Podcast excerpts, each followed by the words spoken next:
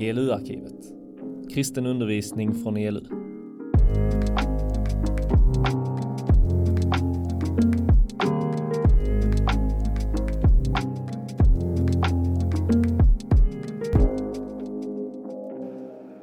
Otroligt kul att vara här. Jag har sett fram emot det här lägret länge, som jag misstänker också att några av er andra har. Det är verkligen ett av årets höjdpunkter att få vara på nyårsläger. Tillsammans, som Alma sa, och tillsammans med Gud. Um, vi ska börja med att läsa texten, för det har vi inte gjort va? Ibland, ibland glömmer man gjort det eller inte. Men vi läser texten som är kvällens undervisningstext. Och det är i Kolosserbrevet som jag misstänker att ni börjar bli lite bekanta med. Och det är kapitel 1, vers 24 till 29. Kolosserbrevet 1.24. Rom, kor, gal, fil, kol. Eh, där står det så här, läser jag. Nu gläder jag mig mitt i mina lidanden för er och det som fattas av Kristus lidanden uppfyller jag i mitt liv för hans kropp, som är församlingen. Dess tjänare har jag blivit genom det uppdrag som Gud gav mig för er skull, att överallt predika Guds ord, den hemlighet som varit dold genom tider och generationer, men nu har uppenbarats för hans heliga. Gud ville visa dem vilken rik härlighet denna hemlighet är bland hedningarna. Kristus i er, härlighetens hopp. Honom predikar vi genom att förmana varje människa och undervisa varje människa med all vishet, för att föra fram varje människa som fullkomlig i Kristus.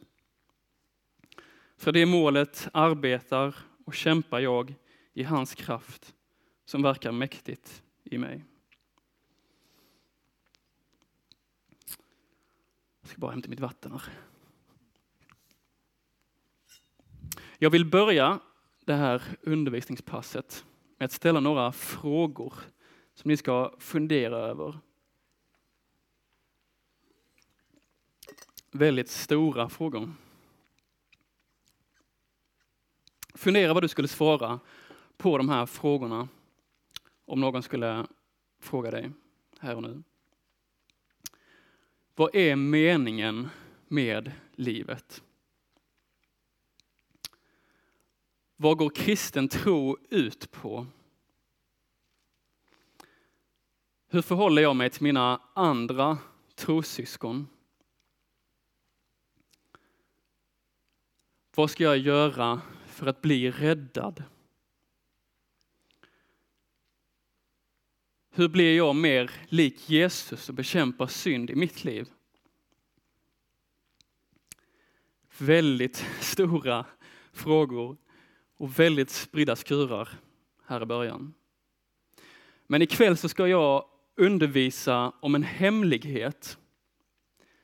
Kvällens tema är Vill du veta en hemlighet? Och den hemligheten är så stor att den ger svar till alla de här frågorna som jag precis ställde. Och nu utlovar jag då väldigt mycket här inledningsvis. Eh, men det är ett helt underbart, fantastiskt ämne som jag har fått att undervisa över ikväll. Flera gånger när jag satt och förberedde undervisningen så var det faktiskt så att jag bara satt och var så glad. Tack gode Gud för det här som jag ikväll ska få tala om. Men innan vi går in på den här hemligheten som ni gärna säkert vill veta, så låt mig prata lite om hemligheter generellt först. I den texten vi läste så är det här ordet där hemlighet. Um, och ordet hemlighet, är det någon som vet vad det är på grekiska? För att göra lite trivia. Någon som har en aning? Det är nämligen ordet mysterion som är, vi får mysterium från. Mysterium. Det finns väldigt många religioner där ute i världen som handlar om just hemligheter eller mysterium.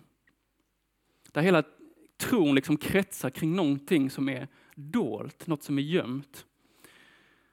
Och som bara några få kan upptäcka. Några få kan få del av den här hemligheten. Jag vill ta tre exempel på det. Det första, sekter. Eller här exemplet scientologi. Ehm, jag antar att de flesta någon gång sett eller hört talas om Tom Cruise. Det är han snubben som är i, i eh, Mission Impossible, men eh, också nu i Top Gun Maverick är han lite aktuell med. Och jag är sorry, sorry to break it for you, men Tom Cruise är med i en sekt faktiskt. Han är scientolog. Scientologi är en religiös kult som bygger på hemligheter. Hemligheter är liksom centralt i vad scientologi är. Och det funkar så här i scientologin. När du blir medlem så börjar du på en grundnivå och blir introducerad till en del hemligheter. Och så när du går djupare och djupare in i scientologin, ofta med hjälp genom att betala en del pengar faktiskt, så får du veta mer och mer av de här godbitarna, de här hemligheterna.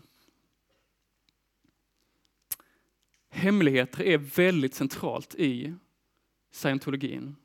Ofta är det då vetenskapliga hemligheter, därav namnet. Men det är inte heller den enda sekten som just betonar det här med hemligheter. Det är ett ganska så vanligt fenomen.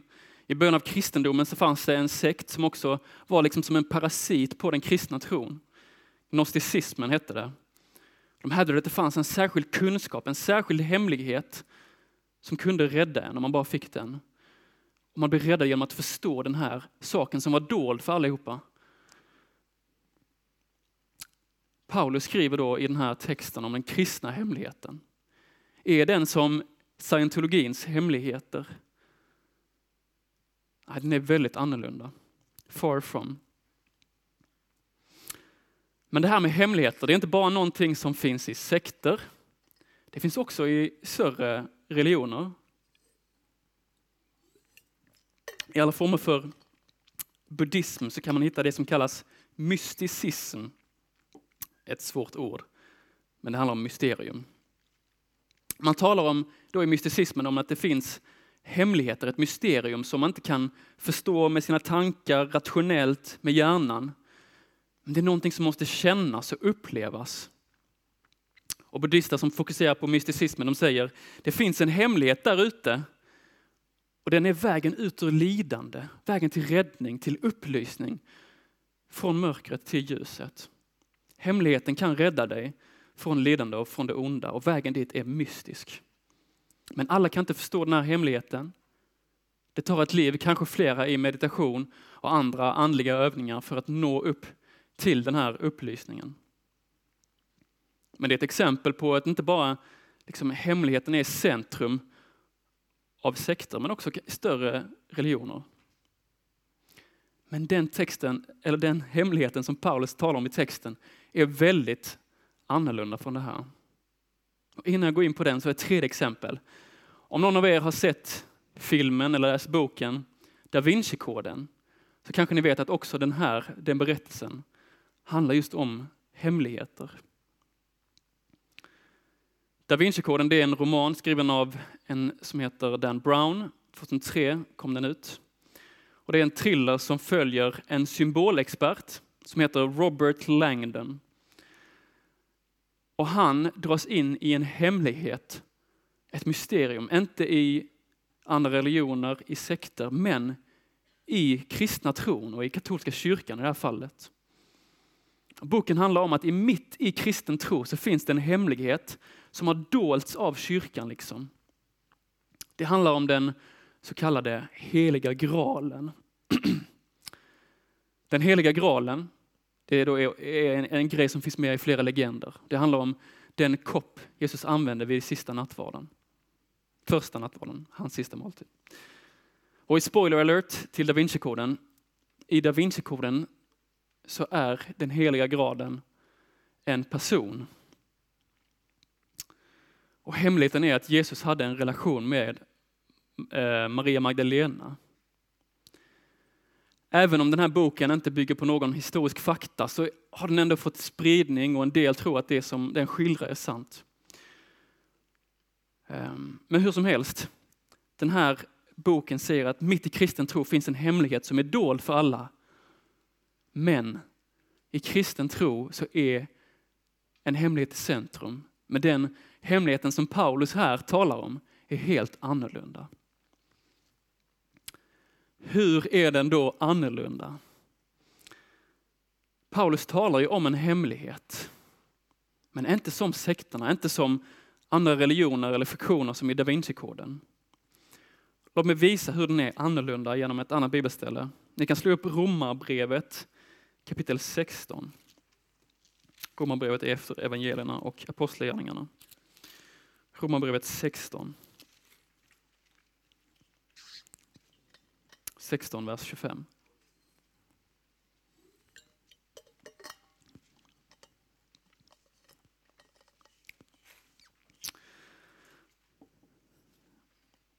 Jag läser från mitten av versen. Där skriver Paulus. Han har avslöjat den hemlighet som i oändliga tider varit dold, men nu har uppenbarats och gjorts känd genom profetiska skrifter på den evige Gudens befallning för att föra alla folk till trons lydnad. Han har avslöjat den hemlighet som i alla tider varit dold. Den stora skillnaden med hemligheten här, som Paulus talar om, det är att den inte är dold. Det är inte längre en hemlighet. Hemligheten i kristen tro är en inte så hemlig hemlighet. Men den är öppen för alla att se. Mysteriet är uppenbarat. Och alla kan se hemligheten. Och de som ser den avfärdar den antingen eller tar emot den med glädje. Så första punkten jag vill trycka på.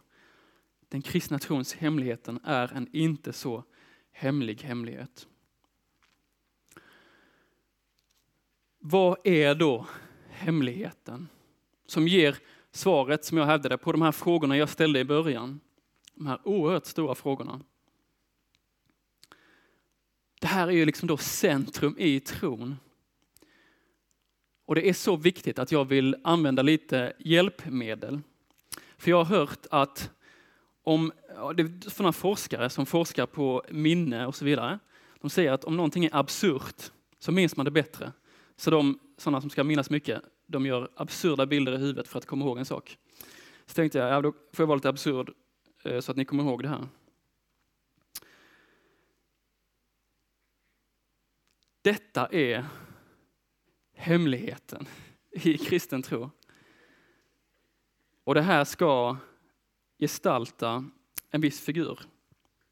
Och ännu mer ska man säga att i vår text så är hemlighet, ja, för er som inte ser det långt bak kanske, så är det en gubbe här. En stor gubbe här och en liten gubbe här i lera. Och hemligheten är den här gubben, eller ännu mer specifikt i vår text, så är hemligheten, ni ser de här två gubbarna här nu, att de liksom... Den ena gubben, så är de plötsligt ett. Den här stora gubben och den lilla gubben. De förenats här i ett. Låt mig visa vad jag menar istället för att läsa en text, så hoppas jag att, att ni får se det här också i texten. Um, slå upp första Kolosserbrevet, eller Kolosserbrevet igen kapitel 2.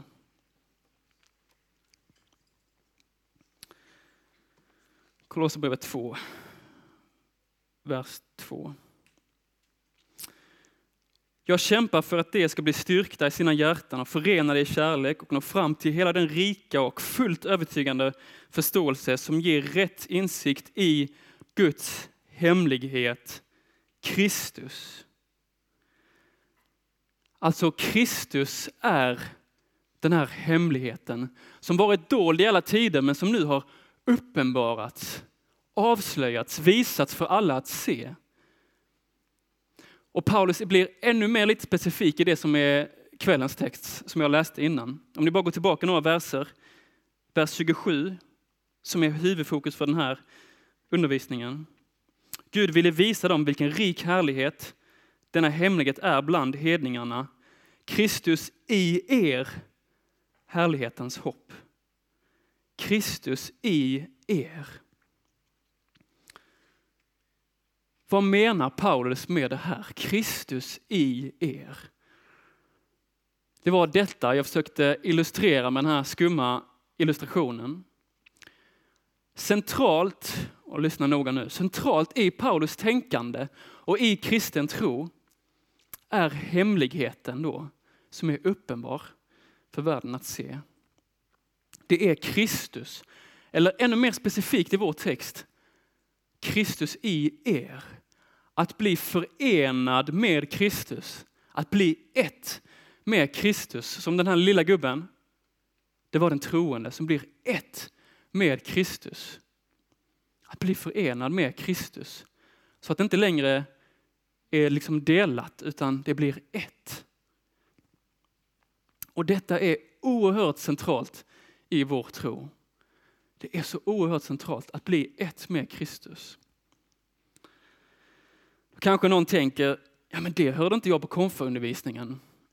Jo, jag tror du hörde det, men kanske bara inte med de orden. Du hörde det genom undervisningen, tror jag, hela tiden. För det här berör så oerhört mycket i tron. Låt mig visa bara hur centralt det är i Kolosserbrevet som vi går igenom det här lägret.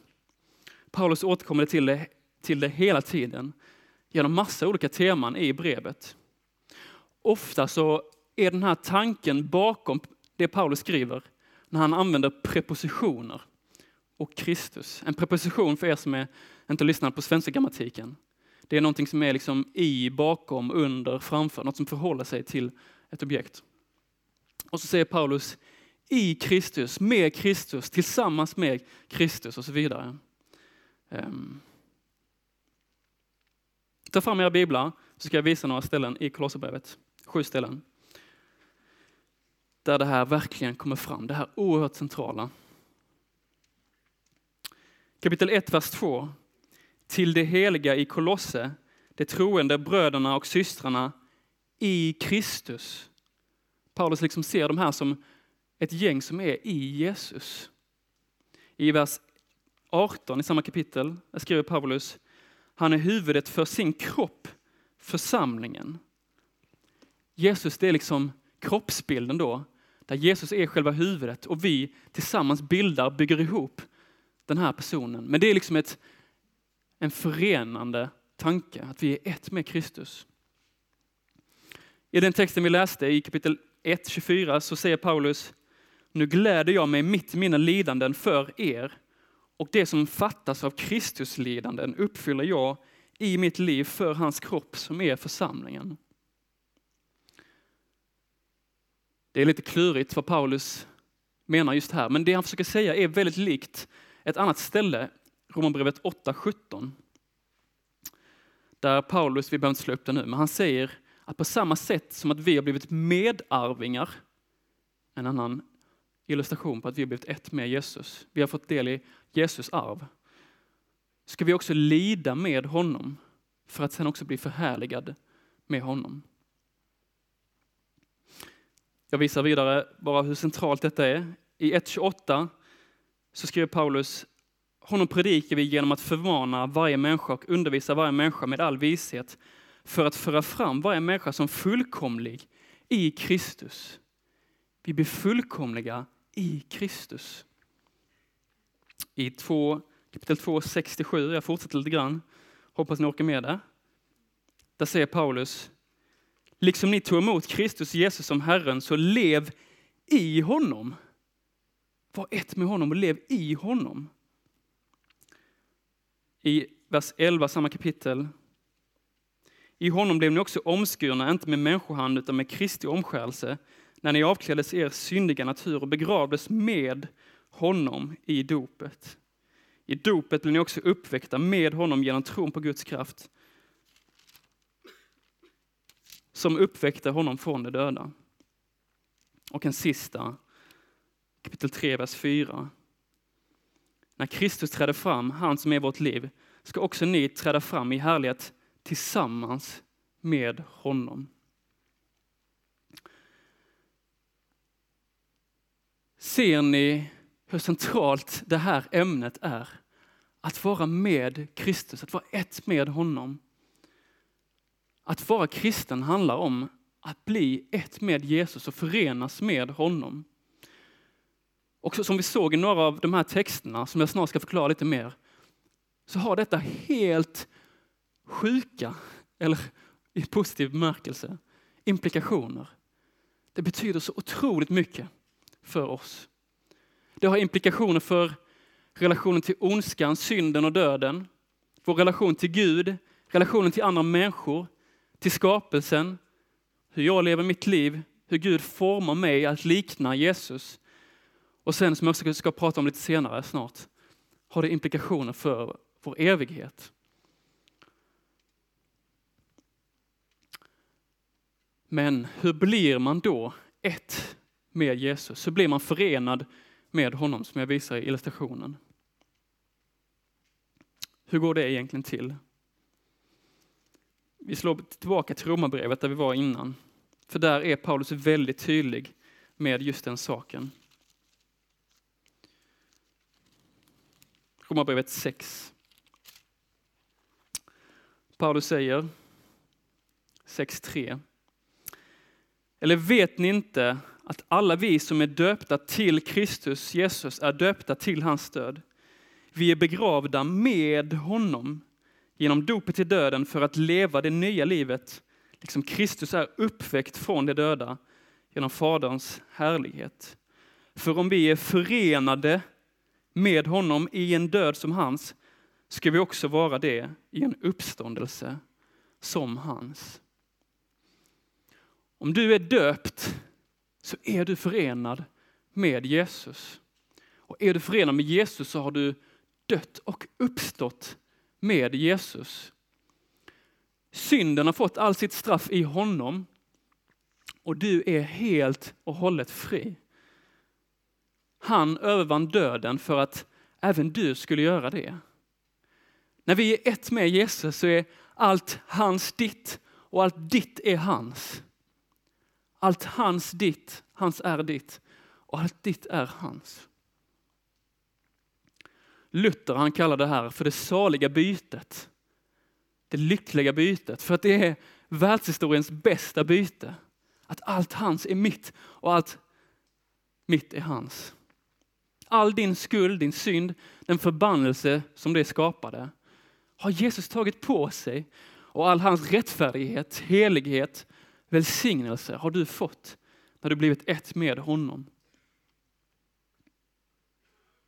Som Paulus skriver i vår text, vi förs fram som fullkomliga inför Gud i Kristus. För att vi är ett med honom. Och att vara ett med Kristus det innebär som sagt mycket mer än det också. När du är ett med Jesus så har du plötsligt blivit ett med inte bara honom men också massa andra människor som kanske sitter här inne. Och tillsammans så blir det en kropp med alla andra som också är där inne i Kristus. Och när du är ett med Jesus så formas du också att bli mer och mer lik honom. Det är oundvikligt för den som blivit ett med Jesus att i längden inte också formas till hans avbild. Hans ande som uppväckte honom från de döda flyttar också in i hos dig och kan då göra mäktiga verk i kraft av Guds ande. Eftersom att det här är så oerhört centralt skulle man kunna prata om det hur länge som helst. Men ha med dig det här resten av lägret. Ha med dig det när du läser din bibel där hemma, när du kommer hem sen. Fundera vad det innebär att du är ett med Kristus.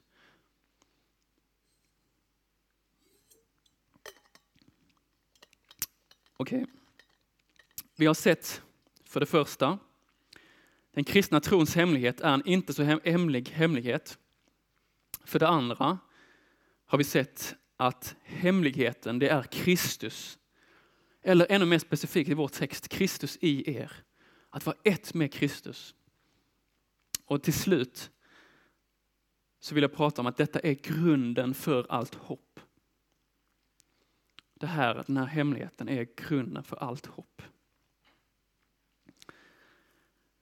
Vad är egentligen hopp? Vad hoppas vi på? Och vad gör hoppet med oss som människor?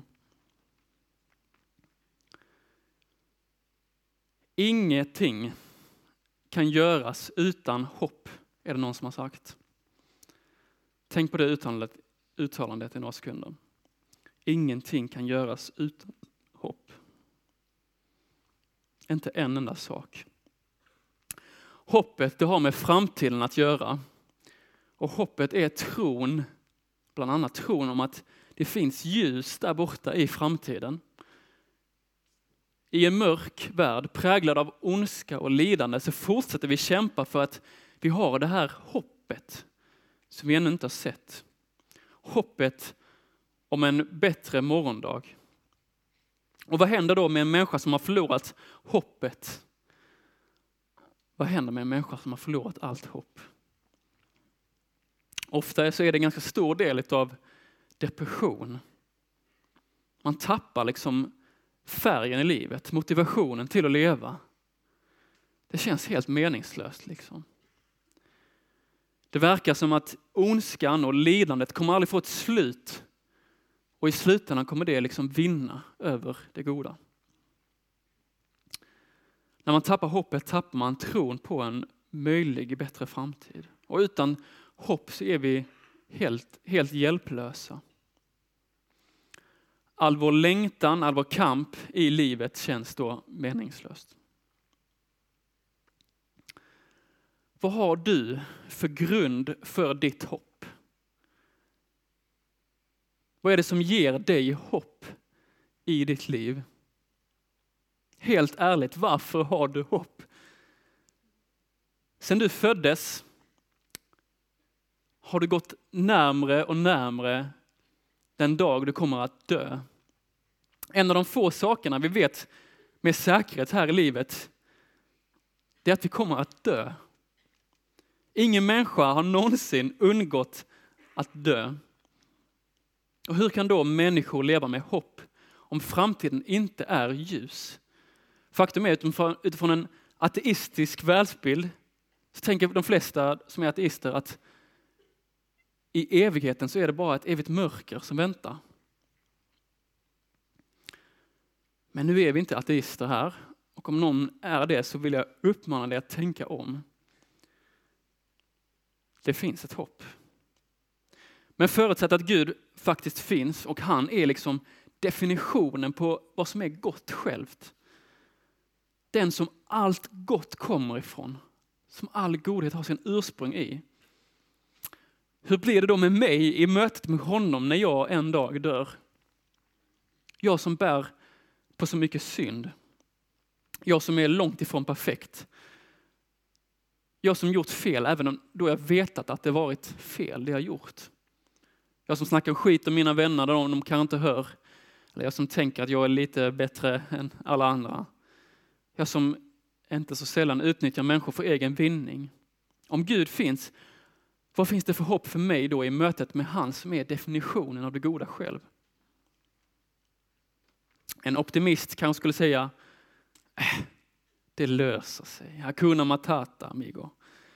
Men vad har den för grund att säga det egentligen? På riktigt? Kristen tro har ett hopp, ett otroligt hopp. Men det är inte utan grund. Optimismen grundar sig inte på vad som helst, men på den inte så hemliga hemligheten i centrum av kristen tro. Du är ett med Kristus om du tror på honom och har döpts. Det är härlighetens hopp som Paulus talar om, alltså hoppet om härlighet i framtiden. För att om du är ett med Jesus, då är all din skuld lagd på honom. Du är helt skuldfri, som att du aldrig gjort ett enda fel. Gud har liksom kastat bort din synd, glömt bort den, så långt att det inte finns någon anledning till ens en gnutta skam. Och så har han klätt dig i Jesus perfekta handlingar. Han som älskade Gud mer än allt och sin nästa som sig själv. Du är helt fläckfri i honom. Och döden då? Jo, den som är ett med Jesus har som vi läste dött med honom i dopet och uppstått igen. Du är ett med Jesus och det som hände med honom kommer också att hända med dig. Det är så viktigt med det här med ett med Jesus.